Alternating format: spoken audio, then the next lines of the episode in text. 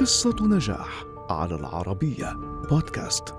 عرفت الشهرة مبكرا بل وظهرت على الشاشة وهي لا تزال رضيعة كذلك عرفت الضعف والألم مبكرا فسقطت وسقطت ثم نهضت كزهرة برية. جعلت من اسمها درو باريمور علما كبيرا في فضاءات هوليوود فما قصتها؟ ولدت درو بليث باريمور عام 1975 في كاليفورنيا لعائلة فنية. فوالدها جون درو باريمور وظهرت قبل أن تتم عامها الأول في إعلان تلفزيوني لطعام الكلاب بابي.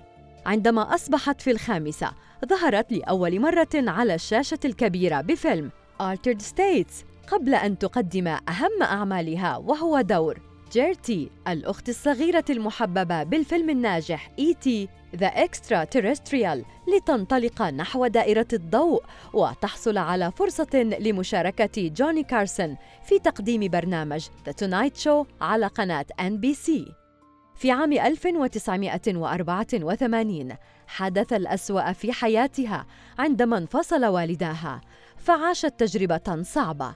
كما اصطحبتها والدتها لاحقا للأندية الليلية وهو العالم الذي ارتبطت به وهي لا تزال في الثالثة عشرة من عمرها. فبدأت تعاطي المخدرات والكحول وتم وضعها في مركز إعادة التأهيل لتعود من جديد مع مجموعة أعمال ناجحة مثل Poison Ivy و Bad Girls و Boys on the Side و Gun Crazy و The Amy Fisher Story.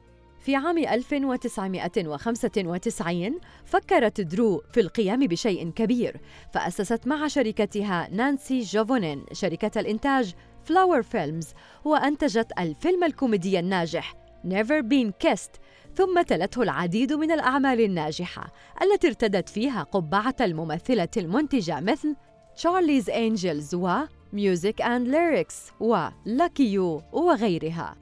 بالإضافة إلى أكثر من 66 فيلماً قدمت درو أعمالاً تلفزيونية ناجحة مثل Grey Gardens ومسلسل Santa Clarita Diet كما كانت قاضية في برنامج المواهب The World's Best قبل أن تقدم برنامجها The Drew Barrymore Show على قناة CBS فحازت جوائز فنية عديدة مثل جولدن جلوب وجائزة نقابة ممثلي الشاشة وحصلت على نجمة في ممشى هوليوود وجمعت ثروة تزيد عن 125 مليون دولار.